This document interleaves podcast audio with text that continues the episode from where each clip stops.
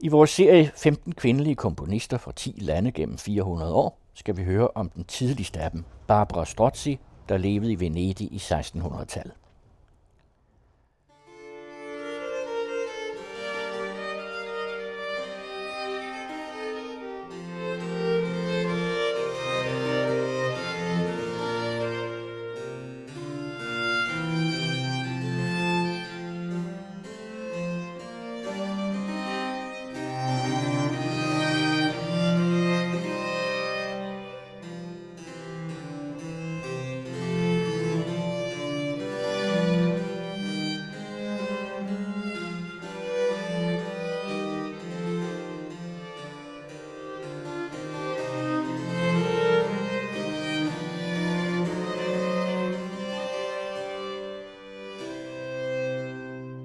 Den musicerende kurtisane.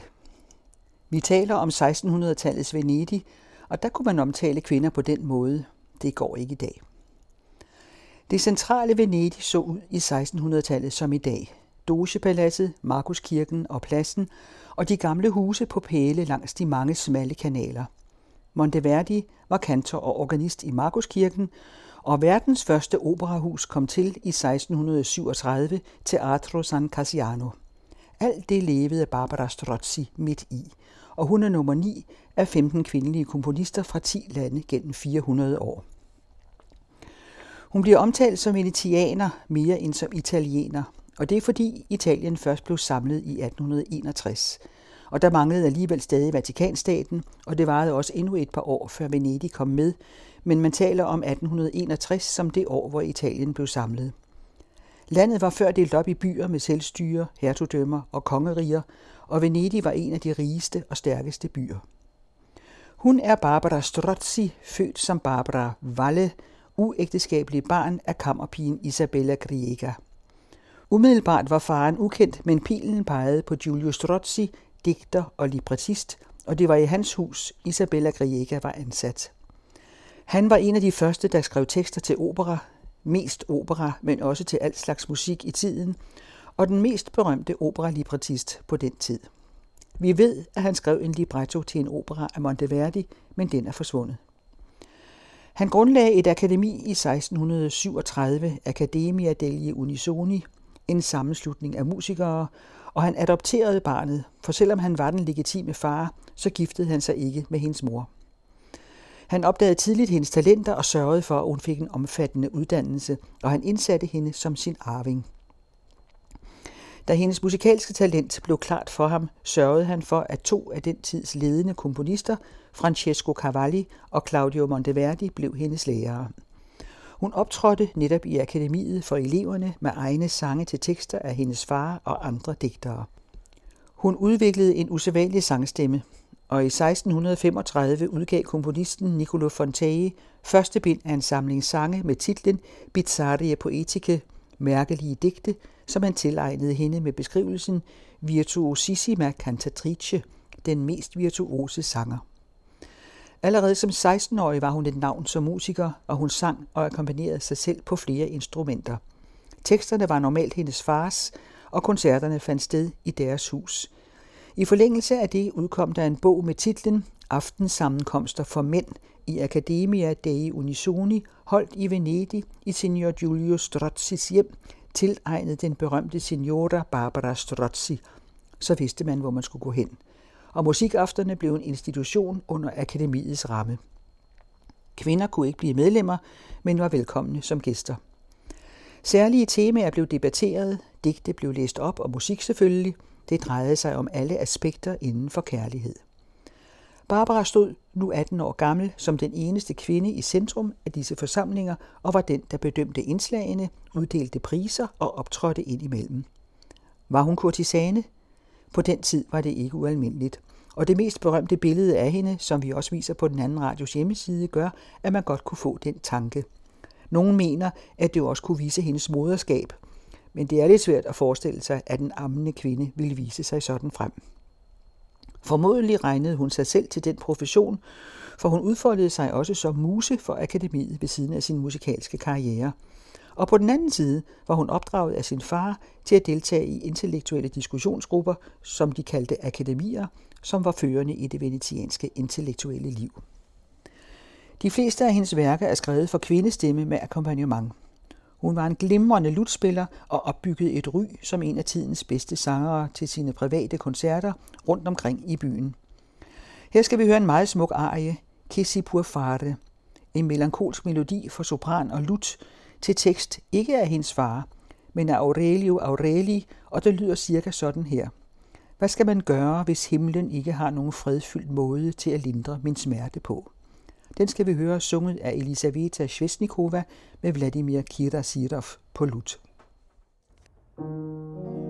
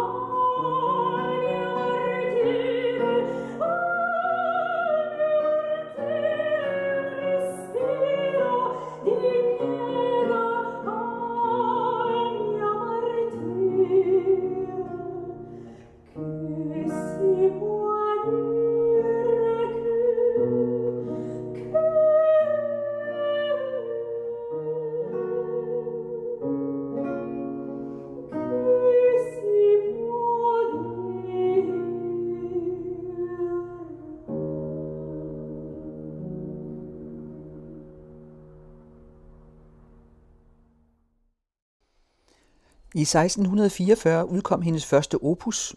Hun var 25 år. Det første værk, jeg som kvinde dristigt bringer frem i lyset, som hun skrev.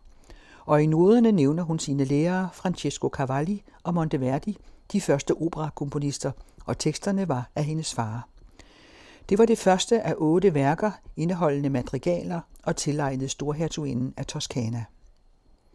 Når vi taler om Italien og 15-1600-tallet, dukker madrigalen op. Et digt, hvor komponisten i begyndelsen var bundet af tekstens form, så de musikalske fraser skulle svare til digtets. Efterhånden blev musikken mere knyttet til ordenes mening og symbolik, og i slutningen af 1500-tallet blev de virtuose elementer og tonemaleriet meget vigtige netop i Venedig, og det udviklede madrigalen fra ren vokalsats til musik med flere instrumenter, og Barbara Strozzi levede på overgangen fra madrigalen til kantaten. Hendes lærer, Monteverdi, udgav i disse år sine berømte madrigalbøger, men grænsen mellem solo og den kommende kantate blev efterhånden mere flydende, og madrigalen endte sin udvikling omkring 1640, så Barbara Strozzi arbejdede i begge former. I begyndelsen havde kantaten kun én sats med continuo, men fik efterhånden flere satser, inspireret af operaen, der udviklede sig hurtigt i de år. I det hele taget udviklede musikken sig meget stærkt fra begyndelsen af 1600-tallet med flere og flere instrumenter og dygtige musikere og sangere, og Barbara var selv virtuos som sanger, ikke bare virtuosissima cantatrice, men også virtuosissima compositrice. Meget flot, både at blive omtalt som virtuos sanger og virtuos komponist. Vi skal høre en sang, De tre gratier, og det er også sådan nogen, der synger her. Emma Kirkby, Evelyn Top og Mary Nichols.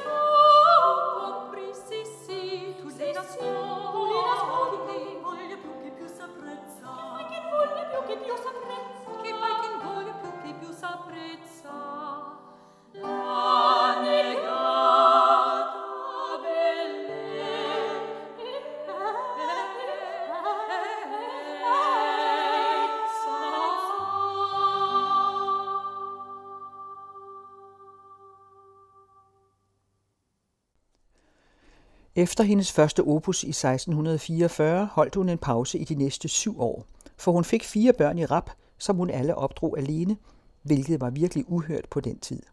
Hun var forud for sin tid en foretagsom og uafhængig kvinde, hvis opfindsomhed skinnede igennem hendes liv og musik. Faren til børnene var sandsynligvis en ven af hendes far, Giovanni Wittmann, og han var gift.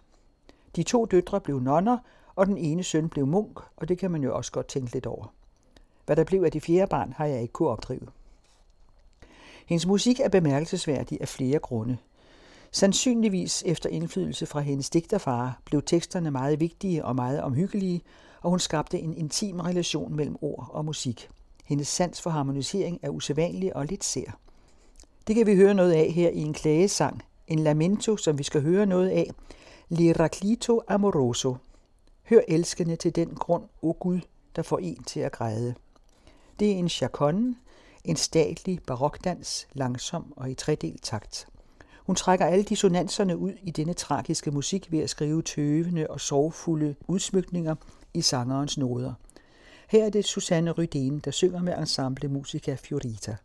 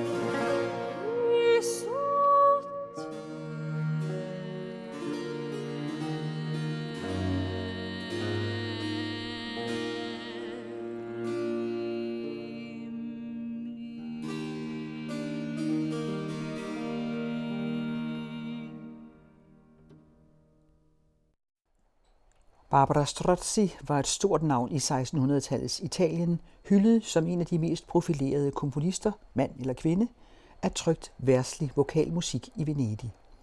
Hendes produktion er unik i den henseende, at det bortset fra et bind udelukkende er værslig vokalmusik, og tre fjerdedele af hendes trygte musik er for sopran, hendes egen stemmetype, men det var alligevel overraskende, at hun blev et navn, for andre kvinder dengang var nødt til at bruge et pseudonym som mand for at få deres værker trygt, men ikke Barbara. Hun satte sit eget navn på alt, hvad hun skrev, og det gjorde hende til en af de første kvindelige komponister af værtslig musik, der blev udgivet i eget navn. I 1652 døde hendes far, og Venedig kom i krig med tyrkerne, og en voldsom skatteforhøjelse for borgerne fulgte. Vi ved det fra et brev, som Barbara Strozzi skrev til senatet for at slippe for den nye skat. Jeg er sikker på, at skattemyndighederne ikke vil påtvinge mig den skat. Jeg lever med fire børn og en aldrende mor og en lille formue. Og hun slap. Hun var nu slet ikke så fattig, for selvom hun næsten ingenting arvede efter sin far, så ejede hun statsobligationer og lånte penge ud selv til rige venetianere. Vi skal høre en lille sang, og den er i den mere rasende ende. Den hedder Tradimento, forræderi, og her synger Catherine Bott.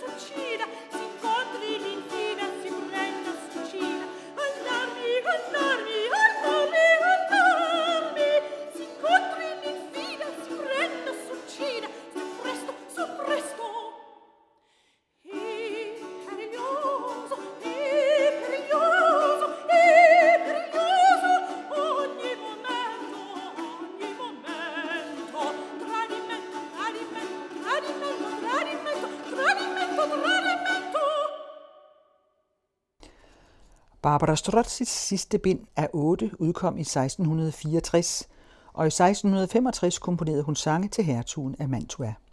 Derefter flyttede hun væk fra Venedig og forsvandt. Der findes til synligheden ikke noget om, hvorhen og hvorfor hun forsvandt, men hendes død er registreret i det offentlige sundhedsvæsen i Padua. Det var omkring 12 år efter, i 1677, og hun blev 58 år. Vi ved forbløffende meget om hendes liv, og stort set intet om de sidste år. Men det er da meget sandsynligt, at hun stadig har komponeret værker, som så ikke er blevet udgivet. Barbara Strozzi har været glemt i perioder igennem årene. Det er 401 år siden hun blev født, men hun er i den grad i live i dag. Der findes rigtig mange indspilninger af hendes musik, og det er sandelig også noget, der fænger.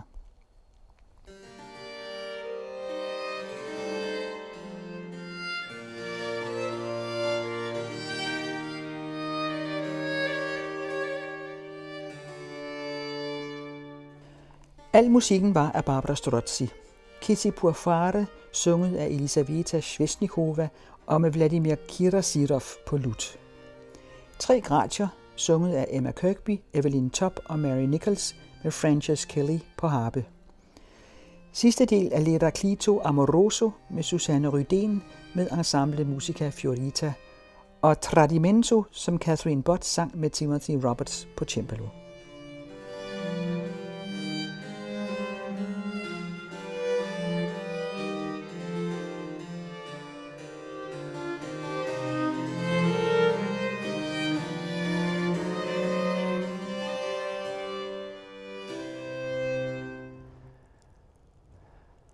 Det er Kirsten Røn, der tilrettelægger serien 15 kvindelige komponister fra 10 lande gennem 400 år. Den næste bliver den svenske Valborg Aulin.